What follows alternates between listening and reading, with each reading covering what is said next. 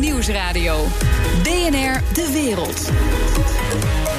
Bernard Hammelburg. Welkom bij het beste binnenlandse programma over het buitenland. Straks, de Israëlische premier Netanyahu wordt vlak voor de verkiezingen geteisterd door een corruptieschandaal. Gaat dat hem opbreken? Maar nu eerst. This summer has seen a huge movement of people across Europe, from Greece in the east to Calais in the west. All started their journeys outside the EU, or will end up claiming asylum in a European country. Europa heeft nog nooit zo'n groot vluchtelingenprobleem gehad als nu. Althans, dat is de indruk die je krijgt uit het politieke en maatschappelijke debat. Maar alleen al de afgelopen eeuw zijn we er vaak mee geconfronteerd. Wat is er nieuw aan de huidige crisis? Dat bespreek ik met Linda Polman, schrijver van het boek Niemand wil ze hebben. Welkom. Dankjewel. Uh, je begint je boek met de vluchtelingensituatie van de Joden in de jaren 30, vlak voor de Tweede Wereldoorlog dus, en legt dan een verband met de huidige situatie. Waarom dat startmoment en waarom juist die vergelijking? Ja, ik kwam uh, in de annalen van de geschiedenis van het Europese vluchtelingenbeleid kwam ik tegen de conferentie van Evian. En dat is de allereerste Europese vluchtelingentop geweest ooit. Uh, dat was inderdaad in de aanloop naar de Tweede Wereldoorlog. Europa zat met een vluchtelingenprobleem. Het waren die Duitse uh, Joden die uit uh, Nazi-Duitsland probeerden weg te komen. En daar kwam bij de Oostenrijkse Joden na de annexatie van Oostenrijk. Dus er kwam een enorme vluchtelingenstroom op gang van mensen die op zoek waren naar een veilige plek. En in plaats van dat grenzen open gingen in Europa, gingen ze juist dicht. Hè. De politie en het leger werden erop afgestuurd om die mensen terug te duwen, dit, die natiegebieden in. En uiteindelijk zijn het dus niet Europese leiders geweest die een conferentie bij elkaar hebben geroepen, maar het is de Amerikaanse president Roosevelt geweest. Die heeft de, West-Europese regeringen uitgenodigd om aan te schuiven. Als mede de regeringen van in die tijd de klassieke immigratielanden, Australië, Nieuw-Zeeland en Canada en zo. Ja. Nou, die zijn met z'n allen samengekomen, die zijn gaan confereren over wat, wat ze nou met die Joden moesten. En wat je dan ziet in de, in de notulen van die vergaderingen is dat er exact dezelfde argumenten werden gebruikt ja. Die mensen niet toe nee, te laten. Ik, ik, ik lees dat uh, in, in, uh, in je boek. Uh, zoveel Joden zou de cohesie van de samenleving ontwrichten. Het, het, zou alleen het antisemitisme aanwakkeren, want dat was er immers al. Ze zouden woningen krijgen die eigenlijk voor hun eigen burgers waren. Ze waren sluw, onbetrouwbaar, vijfde kolonne, spionnen, gevaar voor het nationale karakter. Waar hebben we dat recentelijk meer gehoord? De aanzuigende werking ook. Hè? Die was er ook ja. toen al. Als je deze Joden gaat binnenlaten, dan zijn er nog drie of vier miljoen in Oost-Europa die ook zullen willen komen. Ja, waar hebben we dat eerder gehoord? Jij mag het zeggen. Ja. Dat zijn precies die argumenten die we vandaag ook horen. Ja, en wat ik het meest uh, opvallend vind, ook de titel van het boek, Niemand wil ze hebben, dat, uh, dat kwam uit de uh, Volkische, Volkische Beobachter. Dat was, dat was een natiekrant. Ja, ja, ja, ja. en dat was de, eigenlijk de weergave van Hitler die in hoongelach uitbarstte toen hij dat allemaal zag. En zei, ik wil ze dolgraag kwijt, maar niemand wil ze Kom hebben. Kom ze brengen, zei hij ook. Dan kom ze ja. nog brengen ja, als ja, jullie willen, maar uh, uh, niemand wil, wil, ze hebben. En uh, daarmee gaf hij aan van, ik heb het zo gek nog niet bekeken. Want... Nou ja, daarmee gaf hij ook aan dat, dat hem, het was, het was duidelijk geworden dat Europa hem niets in de weg ging leggen bij zijn eigen oplossing van dat jodenprobleem. En dat zie je ook, hè, enige maanden, drie of vier maanden na het afsluiten van die conferentie van Evian, was de Kristalnacht ook. Dat was een enorme escalatie van de jodenvervolging. Ja, goed, en die kristalnacht die heeft, die, heeft die, die, die vluchtelingenstroom nog veel erger op gang gebracht. En die heeft er ook voor gezorgd dat, uh, dat de Europese grenzen nog veel dichter gingen. Inclusief Nederland. Was, wat was ja. de argumentatie van Nederland toen? Uh, de, de, dat, ne, ne, Nederland zat vol en, uh, en de sociale cohesie was een probleem. En inderdaad, het antisemitisme wat er al in Nederland was, dat zou alleen maar erger worden. Dus dat waren al die argumenten, ja. ja na de oorlog werd er een VN-vluchtelingenverdrag gesloten. Daar schrijf je ook uitvoerig over. Wat werd er nou precies met dat verdrag beoogd? Uh, het VN-vluchtelingenverdrag van 1951, dat, dat beoogde een Europees probleem op te lossen. Europa zat na die Tweede Wereldoorlog met honderdduizenden vluchtelingen die ze niet kwijt konden. Dat waren ex-krijgsgevangenen, dat waren uh, ex-dwangarbeiders, dat waren ook de overlevenden van de Holocaust. Die zaten in Europa, die hebben ze in kampen gestopt omdat er een plek gevonden moest worden voor die mensen om een nieuw leven op te bouwen. Dus dat waren er honderdduizenden. En toen is dat VN-vluchtelingenverdrag is uitonderhandeld om uh, landen ertoe te stimuleren om, uh, om deze vluchtelingen op te nemen in hun land. Ja. En dat is heel erg moeizaam is dat gegaan. Voor heel veel mensen is het ook gewoon niet gelukt. Maar uh, uiteindelijk uh, is het laatste vluchtelingenkamp in Europa is pas dichtgegaan in 1961. Hè? Waar was dat? Dat was in Duitsland. Ja, ja, ja. ja. En, en daar zaten nog steeds wat toen werd genoemd displaced persons. Displaced persons, ja, ja. DP's. Dat waren de DP-kampen van de geallieerde militairen in, uh, in Europa. Ja. Uh, in hoeverre is dat verdrag nou aangepast in de loop van de tijd? Nou ja, dus in 1967 is er een appendix bijgeschreven. Omdat het, vlucht, het Europese vluchtelingenprobleem dat, dat mondialiseerde. Je kreeg toen in, in de hele wereld kreeg je de decolonisatieperiode.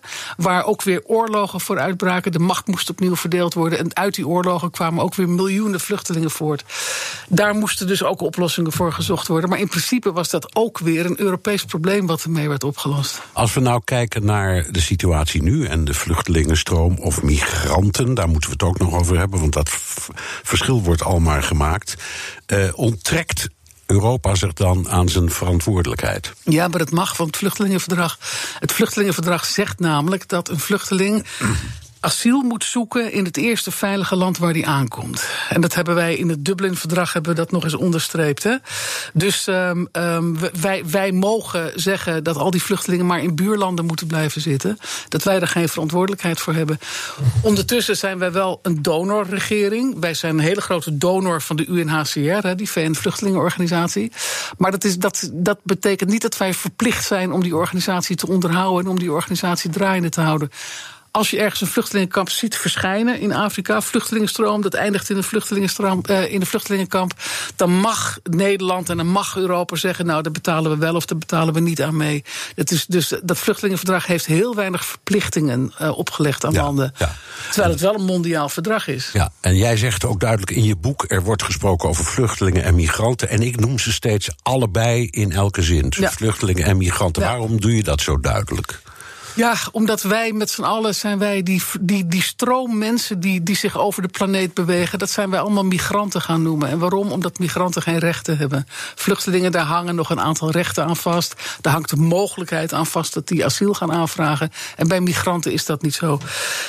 Dus die mensen die trekken samen op, zeg maar. Maar we noemen ze voor het gemak allemaal migranten om die verplichting aan ze niet ja, te hebben. En ik, bovendien, migranten betekent dan ook vaak uh, economische vluchtelingen of gelukzoekers. Ja, dat maken wij er dan van. Ja, ja, ja, ja, ja, Maar is dat nou zo? Is dat terecht of niet terecht? Ja, weet je, het, het, het, die stroom is steeds diffuser geworden.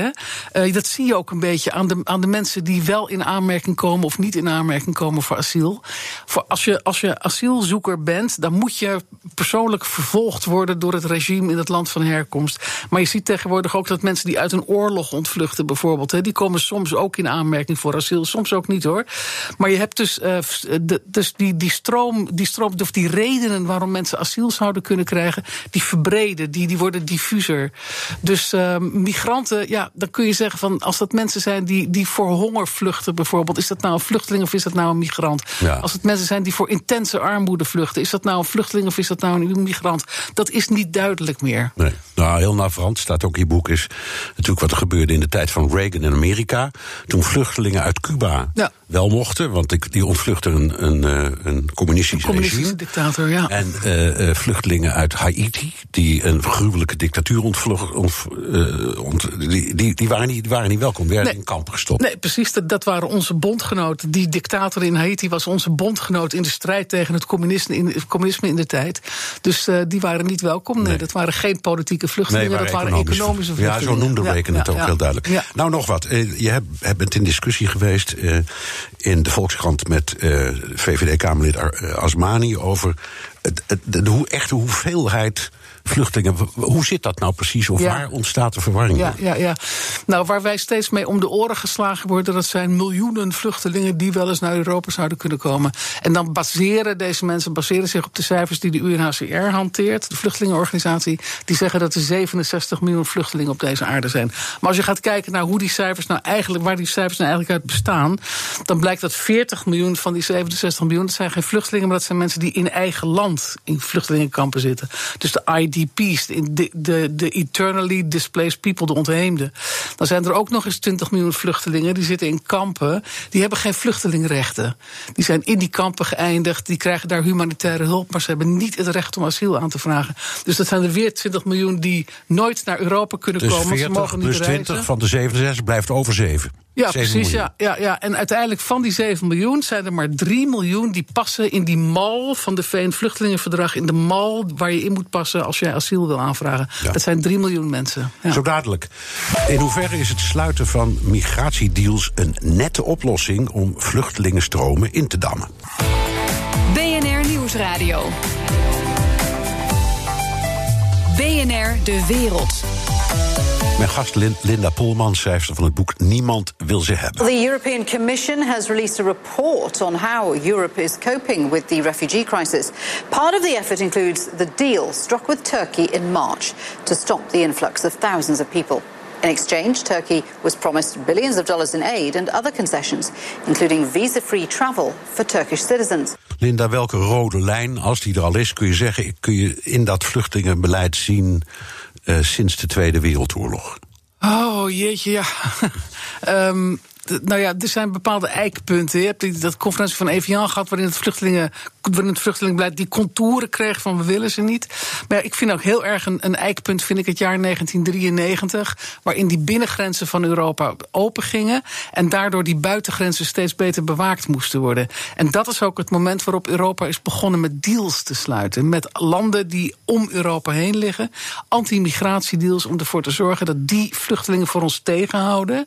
dan wel vluchtelingen terugnemen die wij we- wensen te deporteren. Ja, en ehm, waar bestaan die deals dan in de regel uit? Wat zijn nou Het is de, pu- puur, puur cash. Het gaat om. eh, Het gaat om, ju- om- jullie vangen ze op, je krijgt van ons geld Ja. en dat is hem dan. Ja, nou ja, goed. En handels, handelsovereenkomsten en, eh, en, en uitwisselingen met studentenprogramma's en, en, en ontwikkelingshulpprogramma's en wapens krijg je ook om je grenzen te bewaken, et cetera, et cetera. Ja, maar wij hebben dan de illusie, en we hebben in de politiek bijvoorbeeld kreet opvang in de regio.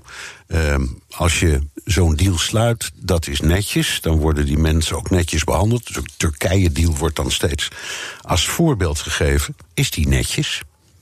Ehm, nou ja, nou, nee, want Turkije eh, erkent het verschijnsel vluchteling niet, bijvoorbeeld. Dus Turkije geeft geen asiel aan mensen. Mensen zijn daar voortdurend op een tijdelijke basis.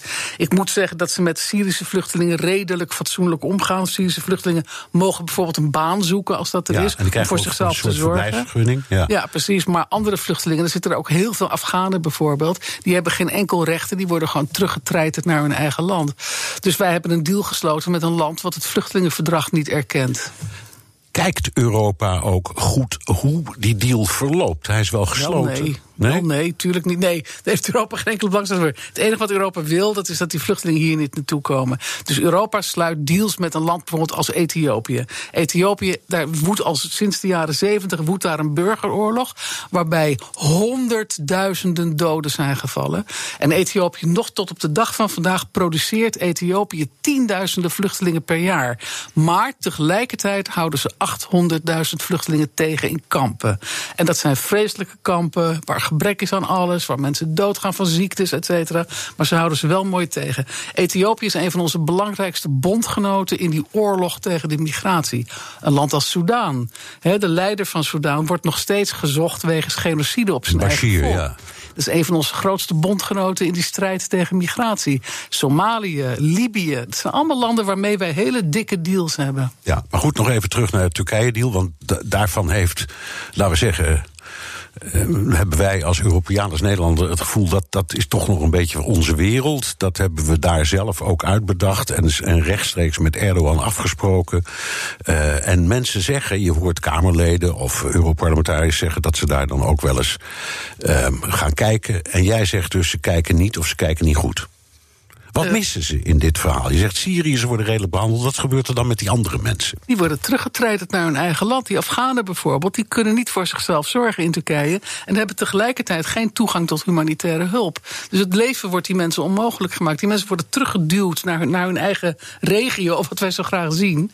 Eh, er zijn daar hele grote vluchtelingenkampen dus de, waar, waar mensen moeten wonen. Maar is het principe dat je zegt we proberen mensen in de regio op te vangen fout, of alleen de uitvoering? Nou, de, de, de, het principe um, is, is, is het principe is fout, omdat wij een vluchtelingenverdrag zeg, hebben waaruit verantwoordelijkheid zou moeten vloeien. Wij zijn met z'n allen verantwoordelijk voor vluchtelingen. En er is één hele goede reden waarom, ook, waarom die vluchtelingen in Turkije en, en in Afrika onze verantwoordelijkheid zijn. Die mensen vlucht, ontvluchten oorlogen, ontvluchten hongersnoden, die, die, die, die, die eh, ontstaan door oorlogen. En Europa is de op, op één na grootste wapenhandelaar op deze planeet. Hè? Amerika is de allergrootste en daarna komt Europa. Wij voorzien die conflicten en die oorlogen van wapens. Het zijn onze wapens die deze mensen op de vlucht jagen. En zeg je daarmee dat dan hebben we een juridische en een morele en een politieke verantwoordelijkheid om ja, daar het wel. Ja? Ja, dat vind ik wel, ja. ja. Nou zijn er ook uh, mensen die uh, in, van naam en faam uh, in dit land in hoog aanzien staan. Bijvoorbeeld Paul Scheffer, dat is niet de eerste, de beste. Die heeft ook, eigenlijk is een van de eerste geweest die het, de migratiekwestie ook echt heeft benoemd. En die zegt een paar dingen. Bijvoorbeeld als je naar de Somaliërs kijkt, dat, dat speelde al lang voor uh, bijvoorbeeld de, Syrische uh, oorlog. Uh, daar, is, daar zijn er een hoop van in Nederland. En eigenlijk is dat project mislukt. De meerderheid is niet geïntegreerd, heeft geen werk. Dat is gewoon niet goed gelopen. En hij zegt ook, ja, hoe erg het ook is, je zult quota moeten stellen. Ben je het daarmee eens? Als, als wij uh, vluchtelingen eerlijk zouden verdelen over alle Europese lidstaten, zijn, dan kun je die quota ook maken. Wat er nu gebeurt, is dat er een paar Europese landen zijn, die zijn de pineut. Die krijgen die grote stroom, waar Nederland niet bij hoort trouwens hoor. Maar die krijgen die grote stropen vluchtelingen binnen. Als wij die vluchtelingen zouden verdelen over 28 lidstaten of 27, dan kijk je tegen totaal andere getallen aan. Ja, goed, maar... en, dan wordt, en, dan wordt die, en dan wordt de integratie ook een stuk makkelijker, omdat het hanteerbare aantallen zijn. Oké, maar als jij hierover praat met Viktor Orban, dan zal hij als antwoord geven: ja, dat weet ik en dat krijg ik steeds naar mijn hoofd. Maar ik wil in mijn land geen parallele samenleving, wat hij noemt, van een hele groep mensen die apart wonen, uh, niet uh, geïntegreerd kunnen worden, uh, problemen opleveren. Kijk naar de banlieues in Parijs, kijk naar, weet ik wat, Slotenvaart in Amsterdam, noem ze maar op. Dat wil ik niet. Nou, dat zegt hij niet hoor. Hij zegt gewoon: ik wil geen moslims. Zo simpel is het. Is, dat, is dat de kern van heel veel dat is de kern daarvan, ja. Hij wil geen moslims. Dat zegt hij ook. Christelijke vluchtelingen wil hij in overweging nemen. Moslimvluchtelingen nee. wil, wil hij er niet in. Maar goed, in het algemeen, er zijn veel landen in, uh, in, in Europa die vergelijkbare argumenten gebruiken, vooral in Oost-Europa. Van het is gewoon, we snappen het wel, we horen het wel, maar we zijn soeverein. We, we doen het gewoon niet. Nee, precies. Dat betekent dat, er meer vluchtelingen moeten komen naar landen die het wel doen. Ja, maar dat is dus de makke van de Europese Unie. Wij zijn nooit een Unie geworden. Wij blijven staan op onze soevereiniteit als het ons uitkomt. Wij wensen nog steeds onze eigen grensslagbomen te, te, te, te bedienen. Met als gevolg dat Europa dus nu uit elkaar wordt gereten door die vluchtelingenstroom. Omdat er aan de ene kant landen zijn die het vertikken, die, die willen die vluchtelingen niet. En aan de andere kant zijn er landen die zeggen: ja, we kunnen die mensen toch niet, uh, toch niet uh, uh, in, in die oorlogen achterlaten en ze laten verrekken. Dus dan krijg je een hele, een hele rare en, en, en giftige verdeling in Europa. Waar, als wij ooit willen komen tot een Europese eenwording, dan zullen we toch ook de lasten van die vluchtelingen eerlijk moeten gaan delen. Ja, goed, maar, en als het, we dat het, doen, het blijft een illusie, naar mijn idee dat, dat, ik, dat ik, zou met, ik zou met jou mee kunnen gaan in deze constatering dat dat een illusie is. Maar ik denk wel dat we daarnaar moeten streven. Nou, Wij zijn de Europese Unie. Nou goed, maar als, je, als we even naar eigen land kijken. We hebben hier toch net een redelijk opmerkelijke verkiezingen achter de rug. Ja. En je kunt zeggen, het, het succes van Forum voor Democratie is op zijn minst voor een deel gebaseerd op precies deze kwestie. Geen vreemdelingen. En jij zegt misschien bedoel, bedoelen ze geen moslim. Doet er even niet toe. Maar ze zijn bij ons ook niet welkom. En dat wordt klaarblijkelijk door heel veel ook Nederlanders omarmd, dat idee. Ja. Ja, maar moeten wij daaraan toegeven? Of moeten wij ervoor zorgen dat mensen beter begrijpen wie die vluchtelingen zijn en waarom ze hier naartoe komen?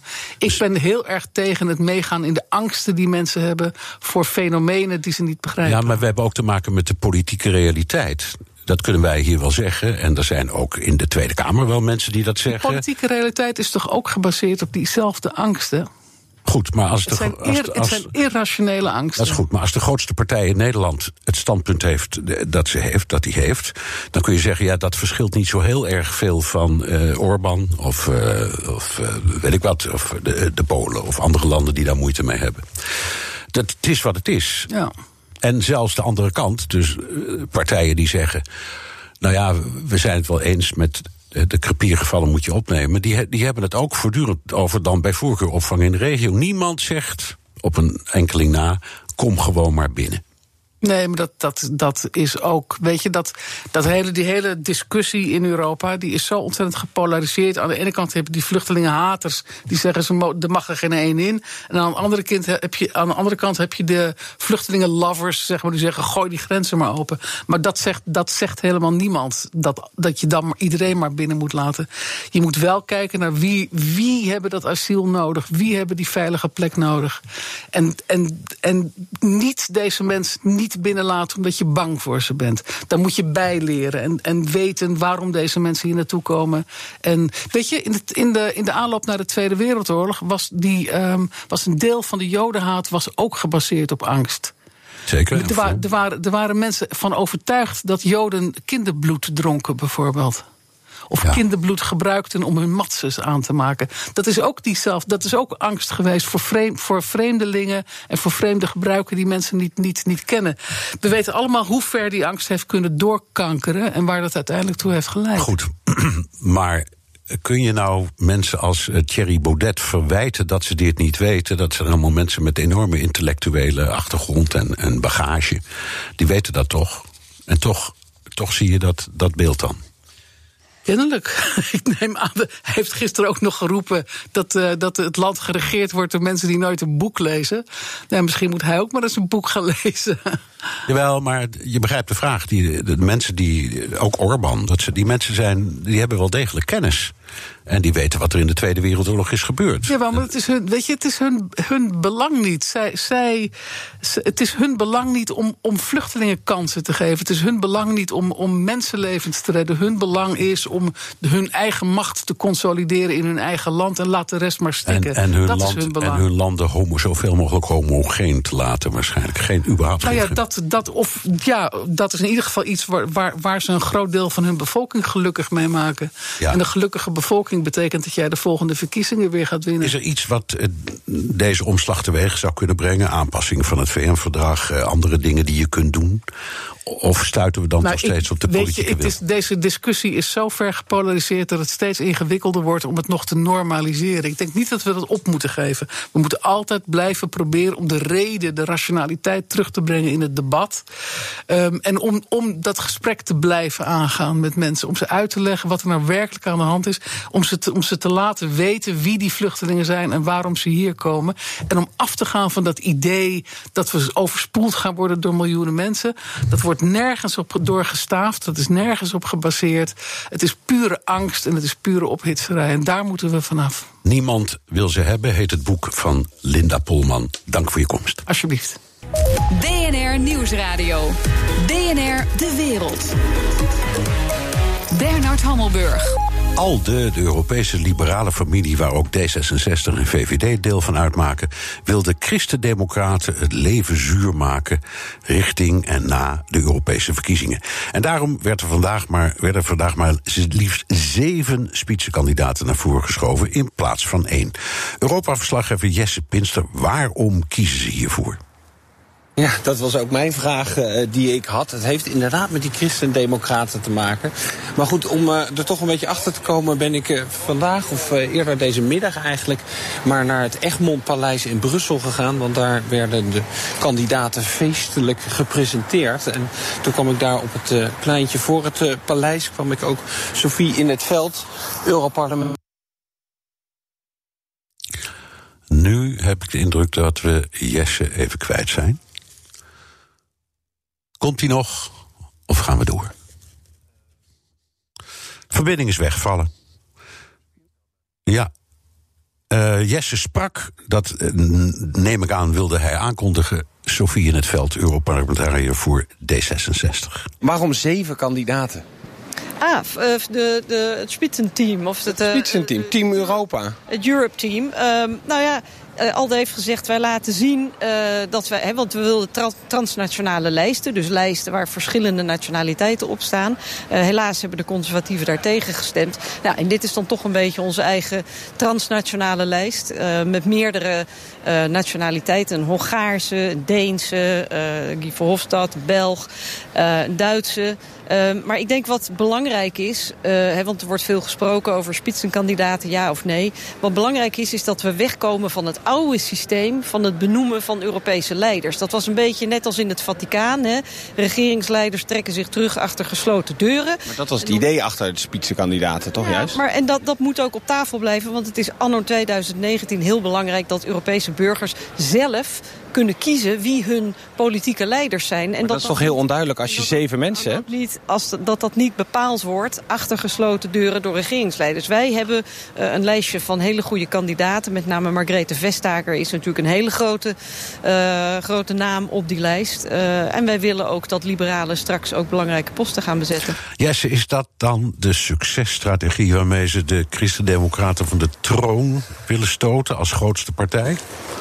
Nou, weet je, het, het, zijn een beetje warrige argumenten hoor, die je hoort als je daar rondloopt. Maar laten we ze gewoon een beetje nou ja, uit elkaar proberen te plukken. Ze heeft het over die transnationale lijsten die de conservatieven tegengehouden hebben. Dat was het idee dat, ze, nou ja, dat je gewoon echt lijsten had waar we in heel Europa op konden stemmen. Dus of je daar in België, in Luxemburg of in Griekenland of in Nederland zat. Je kreeg gewoon dezelfde lijst voor je neus en dan kon je een kandidaat uh, uitkiezen. Nou, dat is er dus niet gekomen en ja, daar zijn ze gewoon nijdig over eigenlijk. Dus dit is ook gewoon een manier om die christendemocraten, de Europese Volkspartij, een beetje terug te pakken. Want ja, dat is nou net de partij die dol enthousiast is over het spitsenkandidatensysteem, waarbij de grootste partij mag zeggen, nou, dit is onze spitsenkandidaat en die mag dus de voorzitter van de Europese Commissie worden. Ja, als grootste is dat natuurlijk heel fijn.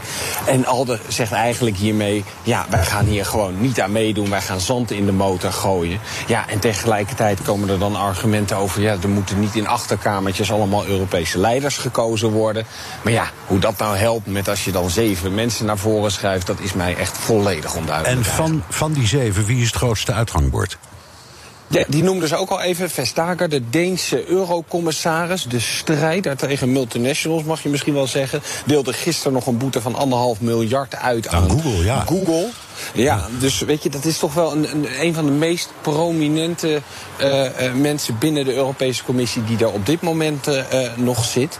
Maar met haar ambities zijn twee vrij grote problemen. In de eerste plaats moet je, om in de Europese Commissie te komen zitten, moet je voorgedragen worden door je regering in je thuisland. En uh, de Deense regering, daar zit de partij van uh, uh, Vestager, die zit daar niet in. Dus die hebben helemaal geen zin om haar nog een keer voor te gaan dragen. Dus dat is probleem één. En probleem twee is dat nee, in eerste instantie Emmanuel Macron, toch ook een belangrijk persoon, en ook de regeringsleiders, die hebben daar wel echt wat over te zeggen. Nou, die was wel enthousiast over deze Deense eurocommissaris. Totdat ze besloot om een grote fusie van treinbouwers, Alstom en Siemens.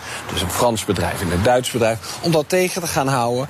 Dus ja, het is ook maar de vraag of die nog uh, zo hard wil lopen. Het is sowieso de vraag of deze Emmanuel Macron en zijn Amarche ook nog wel willen samenwerken met die liberalen. Want daar hopen ze heel erg op. Want als uh, ik sprak ook Hans van Balen van de VVD nog even van. Ja, als we die erbij hebben, dan kunnen we nou niet de grootste worden, maar wel de tweede. Maar dat is ook een, uh, ja, een liefdesrelatie die, uh, waar niet alle liefde van afknalt op dit moment. Dankjewel, Europa-verslaggever Jesse Pinster. The Donald Show. Tijd voor een update uit de United States of Trump met onze correspondent in Washington, Jan Posma. Jan, Trump maakte deze week op Twitter ruzie met de man van Kellyanne Conway. Dat was in elk geval lange tijd een van zijn belangrijke adviseurs. Ja, dat, dat is ze nog steeds. Uh, echt een van de, de, de, mensen in het Witte Huis waar, waar Trump uh, naartoe gaat als hij advies nodig heeft. Dus dat is wel uh, saillant natuurlijk. Zij is ook heel zichtbaar. Ze is echt een soort extra woordvoerder voor Trump eigenlijk. Vaak ochtends als zij binnenkomt, dan staat ze nog even de pers te woord. Er zijn niet zoveel persconferenties meer in het Witte Huis. Maar zij praat nog wel regelmatig met de pers. En haar man, George Conway, dat is een bekende advocaat, bekende conservatief ook. En hij heeft heel regelmatig kritiek op Trump. En Trump negeerde dat altijd. Maar ging je deze week ineens toch op in. Op Twitter echt heel wat tweets, maar ook bij het Witte Huis. hier bijvoorbeeld vlak voordat hij vertrok met Marine One. En dat is ook het geluid wat je er doorheen hoort. Yeah, I don't know him. Uh, he's a whack job. There's no question about it. But I really don't know him. He, uh, I think he's doing a tremendous disservice to a wonderful wife. Kellyanne is a wonderful woman, and I call him Mr. Kellyanne. Ja, Trump die noemde Conway op, op Twitter ook nog een loser. Zegt dat hij uh, dus jaloers is op, op zijn vrouw Kellyanne Conway. En uh, boos op Trump omdat hij deze George Conway geen baan had gegeven. En Trump concludeert op Twitter ook: dit is de husband from hell. Ja, maar waarom reageert Trump nu pas, of wel, op, op, op, op die man... terwijl die hem een hele tijd compleet heeft genegeerd? Ja, er wordt, wordt veel over, over gepraat hier waarom dat nou is. Want Trump die maakte afgelopen week sowieso heel veel ruzie. Ook uh, valt hij steeds eh, John McCain weer aan. Hè, die, die oud-senator die, die al zeven maanden geleden overleden is... maar nu dus steeds weer veel langs krijgt uh, van Trump.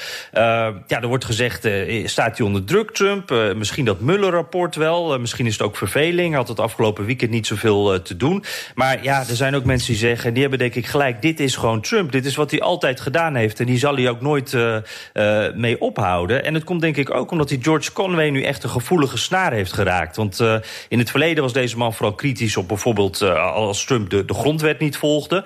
En nu geeft hij eigenlijk Trump een beetje een koekje van eigen deeg. Maakt het heel persoonlijk. Uh, hij heeft een paar keer nu gezegd dat Trump aan een soort ziekelijke, ja, narcistische persoonlijkheidsstoornis leidt. Dat hij geestelijke problemen heeft. En dat raakt Trump. En Conway bijvoorbeeld die retweet Trumps bericht waarin hij Conway een loser noemt en zet daar dan een lijstje eigenschappen van een narcist bij. En zegt dan tegen Trump van, nou, geef maar aan... aan welke voldoe jij nou niet? En dat, dat, dat raakt Trump. Het is fantastisch. Hoe, hoe denk je dat het verloopt in huizen Conway? Hoe zitten meneer en mevrouw Conway aan de ontbijttafel tegenover elkaar? Ja, nou, dat is dus echt de vraag waar, waar heel Washington zich mee bezighoudt. Van wat gebeurt er nou? Die mensen die zijn al jaren getrouwd. Naar, naar, ja, gelukkig getrouwd, ook hebben vier kinderen. En maken in het openbaar nooit ruzie met elkaar. Maar de, de een is dus uh, wel uh, de baas van de ander aan het aanvallen. En die maken gewoon ruzie met elkaar. Uh, ja, hoe gaat dat dan? Kellyanne Conway die heeft daar wel eens wat over gezegd. Maar dan blijft ze echt heel erg gesloten. a very public disagreement. I mean, if my husband and I disagree, it's within. Is that where you're trying to go with this, or is it about? No, no. I was just curious. I mean, I'm, I'm just curious what the dinner conversation is like at the Conway house. I mean, with your kids, you talk about politics in the house, and that's your business. Why?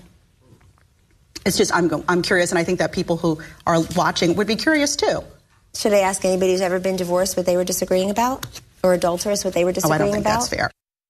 Ja, eh, ze willen er helemaal niks over zeggen. Dus ze gaf gisteren in een interview aan dat eh, de president volledig in zijn recht staat als hij wordt aangevallen. Dus ze koos daar wel echt de kant van haar baas en niet van haar echtgenoot. En George Conway heeft al gezegd: ja, ik doe dit vooral om stoom af te blazen. En zodat ik geen ruzie met mijn eh, vrouw hoef te maken. Maar er zijn hier ook wat theorieën die zeggen van ja, misschien is het wel een beetje tactiek. Als het niet goed afloopt met Trump, dan is er in ieder geval nog één van de Conways die, die zeg maar nog, die nog in, in het conservatieve wereldje zijn gezicht kan laten zien. Maar dat is wel een beetje cynische uitleg. Ja.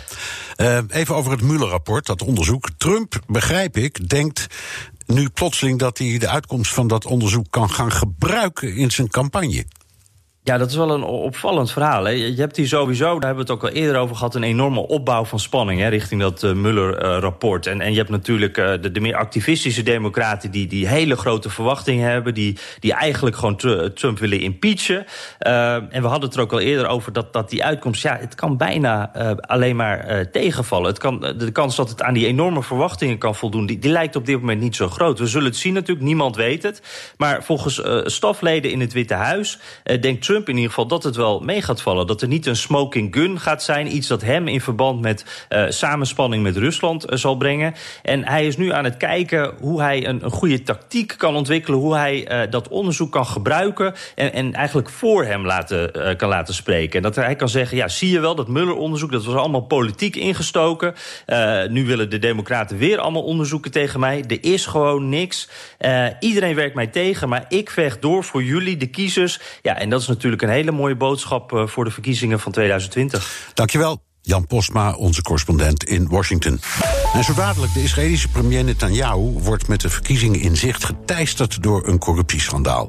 Of dat hem op gaat breken, bespreek ik zo met Paul Bril. BNR Nieuwsradio. BNR De Wereld. Premier Bibi Netanyahu krijgt het flink voor de kiezen met de Israëlische verkiezingen in zicht. Israel's Attorney General said today he intends to indict Israeli Prime Minister Benjamin Netanyahu for corruption. Prime Minister Benjamin Netanyahu fired back tonight, saying there was nothing to the charges, framing it as a political witch hunt.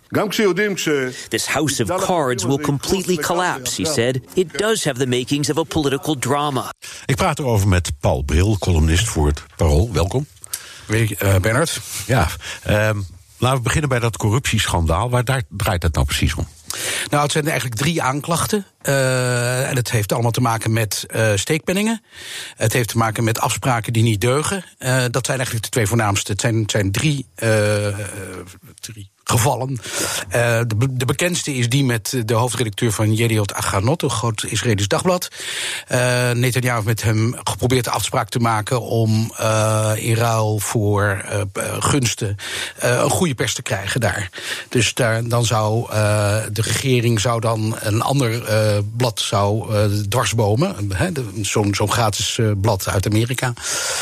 Um, nou, verder heeft hij ook nog, is, speelt er een grote zaak van, van nou ja, grote giften uit Amerika die niet mogen volgens de Israëlische wet. Let wel, dit zijn dus aanklachten. Ja. En uh, de openbare aanklacht, aanklager in Israël heeft dus bepaald dat hij vindt dat uh, vervolgd kan worden. En die aanklager, maar de rechter moet dit nog gaan beslissen dat of dat is waar. zo is. Maar die aanklager was een benoeming van uh, Netanyahu, wat het wel, wel pikant maakt. En die zei dus, ja, ik heb geen keuze, ik moet er een nee, formele aanklager... dus een overtuigende zaak, of hij vindt het drie overtuigende zaken. Ja. En, en, en, en, wil dus, en wil dus tot vervolging overgaan. Er moeten nu hoorzittingen komen. Ja. Uh, en dan moet de rechter bepalen of dat inderdaad zo is. En, en nu, nu zullen die hoorzittingen pas plaatsvinden na de verkiezingen. Ja. Dus dat is natuurlijk wel vrij En acht, acht je de kans reëel dat inderdaad de, uh, de rechter beslist... nee, hier moet, dit moeten we echt in behandeling Ik geloof nemen. dat daar gewoon geen voorspelling in te doen is. Dat, uh, het kan beide kanten oprollen. Oké, okay. nu uh, natuurlijk de belangrijkste vraag. Je zegt al, die zaak gaat pas spelen na de verkiezingen. Formeel is er dus juridisch gesproken niks aan de hand, want ieder mens is onschuldig dat er schuld is bewezen. Geldt ook voor Bibi Netanyahu. Kan het hem opbreken bij de verkiezingen? Nou ja, het hangt natuurlijk wel als een, als een zwaard van Damocles boven zijn hoofd. Um, uh, het, het, tast zijn reputatie toch iets verder aan. Aan de andere kant, uh, als je naar de opiniepeilingen kijkt, zijn Likud-partij uh, staat er nog altijd redelijk goed voor. Ik bedoel, ze, ze, staan ongeveer op het niveau waarop ze nu in de, in de Knesset vertegen, het parlement vertegenwoordigd zijn. Misschien ietsje minder, maar dat is afhankelijk van welke peiling je neemt. Um, ze zijn dus nog steeds een grote machtsfactor. En is natuurlijk nog gewoon de leidende politicus van Israël. Ja. Uh, hij zit er al zo lang. Hij is gewiekst, hij is ervaren. Hij heeft een grote naam. Uh, hij, heeft een, hij heeft een stabiele aanhang. Um, ja, dat, die vaag je niet zomaar weg. Nee. Dus uh, ja, ik dacht. aan Richard Nixon en Bill Clinton, die allebei op het hoogst van schandalen uh, zijn herverkozen met enorme overweldigende meerderheden. Ja. Het kan ook best zijn dat de kiezer denkt, je kan me wat. Ja, uh, ja. Daar, hier, hier, geldt natuurlijk wel dat uh, Israël is een meerpartijendemocratie. Uh, er moeten coalities worden gesloten. En coali eventuele coalitiepartners moeten natuurlijk bedenken van... kunnen wij in zee met een premier, met een politicus, Netanyahu... nou ja, die dus kans loopt om voor het recht te komen... en, en uh, schuldig worden bevonden. Ja. He, dus dat, dat is natuurlijk wel een storende factor. Ja. Um, je hebt het over... Ja, hij zit er al heel lang, heeft ook een enorme aanhang. Er zijn heel veel Israëliërs die nooit een andere premier hebben meegemaakt uh, dan deze. Hoe slaagt hij er toch in om zo populair te blijven of om die aanhang vast te houden? Ik denk dat je vooral moet beseffen dat de Israëlische politiek uh, een andere uh, makelij heeft dan de Europese politiek. Hè? Wij hebben hier in Europa grote problemen, we hebben, spelen grote zaken, maar het gaat toch zelden over leven en dood. En in zekere zin gaat het in Israël altijd om leven en dood. Hè? Ik bedoel, het voortbestaan van de staat in ieder geval in de perceptie van de kiezers, en voor deel ook terecht, staat voortdurend op het spel. Dus uh, je gaat niet gemakkelijk uh, experimenteren met een andere politicus. Netanyahu is erin geslaagd om zich te positioneren, en dat is dus nu al heel lang het geval, als de politicus die staat voor de veiligheid van de staat en het voortbestaan van de staat. Bij hem is de veiligheid van Israël in goede handen. Nou, en daar heeft hij een grote aanhang bij en uh, die heeft hij vast weten te houden. En die is ook, de, dat, dat mechanisme zie je ook nu nog steeds in werking. Ja, hetzelfde als misschien de herverkiezing van Bush 2. Uh, die bepaald niet populair was, maar ook helemaal heeft ingezet van ik, op de ding, ik ben degene die jullie veiligheid garandeert. En dat werkte toen in en 2004. Dat, en, en, dat werkt, werkt bij hem dus ook. Ja, en dat werkt natuurlijk al veel langer. Ja. En um, nou ja, en voor een deel, ik, ik, kijk, hij is, hij is populair bij een deel van, de, van het electoraat. Maar voor een deel van het electoraat geldt ook uh, hetzelfde als wat in Israël vaak wordt gezegd over dictators in de regio, hè, in het Midden-Oosten, van better the devil you, you know than the, the devil you don't. Ja, ja dat is zo. Uh, Kun je hem een beetje vergelijken met Trump? Ik vraag het omdat er uh, verkiezingsposters zijn van Netanyahu waar hij samen op staat met Trump. En dat is ook iemand die ondanks allerlei gedoe toch zijn eigen kern van, aan kiezers geweldig weet vast te houden. Ja, ik denk dat je zeker wel een vergelijking kunt treffen. In de, in de zin dat mensen bereid zijn om hem veel tekortkomingen en fouten. en zelfs uh, ernstige, ernstige vergrijpen te, te vergeven. He, het, uh, de aanhang is hem, is hem zeer trouw. En dat zie je natuurlijk op dit, op dit moment bij, uh, bij Trump in Amerika precies hetzelfde. Daar zijn toch een heleboel mensen die denken van nou ja, al die tweets en dat gedrag ten aanzien van vrouwen. En nou ja, ja dat deugt allemaal wel niet, maar hij blijft, wel niet. Maar hij blijft hij, hij, is onze man. Hè? En dat is voor, bij Netanyahu ook het geval voor een deel van het electoraat. Hij is hun man. Ja, je zei uh, de positie van zijn partij Likud is nog altijd uh, behoorlijk. Uh, maar er is, er is, ook tegenstand. Vertel eens, wat heeft hij echt, zijn er tegenstanders die hij echt zou moeten vrezen? Ja, zeker. Uh, en veel meer dan, dan uh, bij de vorige verkiezingen.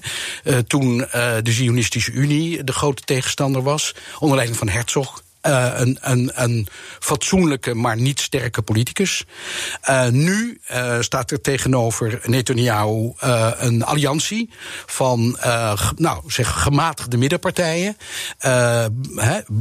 blue and white, blauw-wit. ja. niet DWS, maar blauw-wit. Nee, maar goed, de kleuren van de vlag. Ja.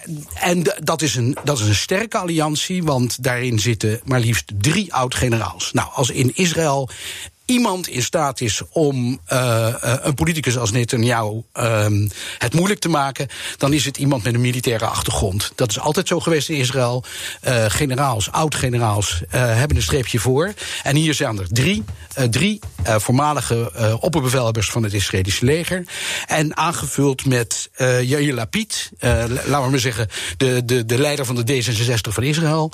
Nou, dat is, dat is een sterke alliantie. Maar goed, wat gebeurt er natuurlijk? Er zijn onmiddellijk ook wel weer schandaaltjes omheen. En uh, al dan niet uitgelokt door Netanyahu, al dan niet ingestoken. Maar uh, het, het, het, gaat dus niet vanzelf. Maar er is zeker sprake van een serieuze krachtmeting. Ja, de, die, die, alliantie staat onder leiding van Benny Gantz, een van die uh, oud-militair bevelhebbers.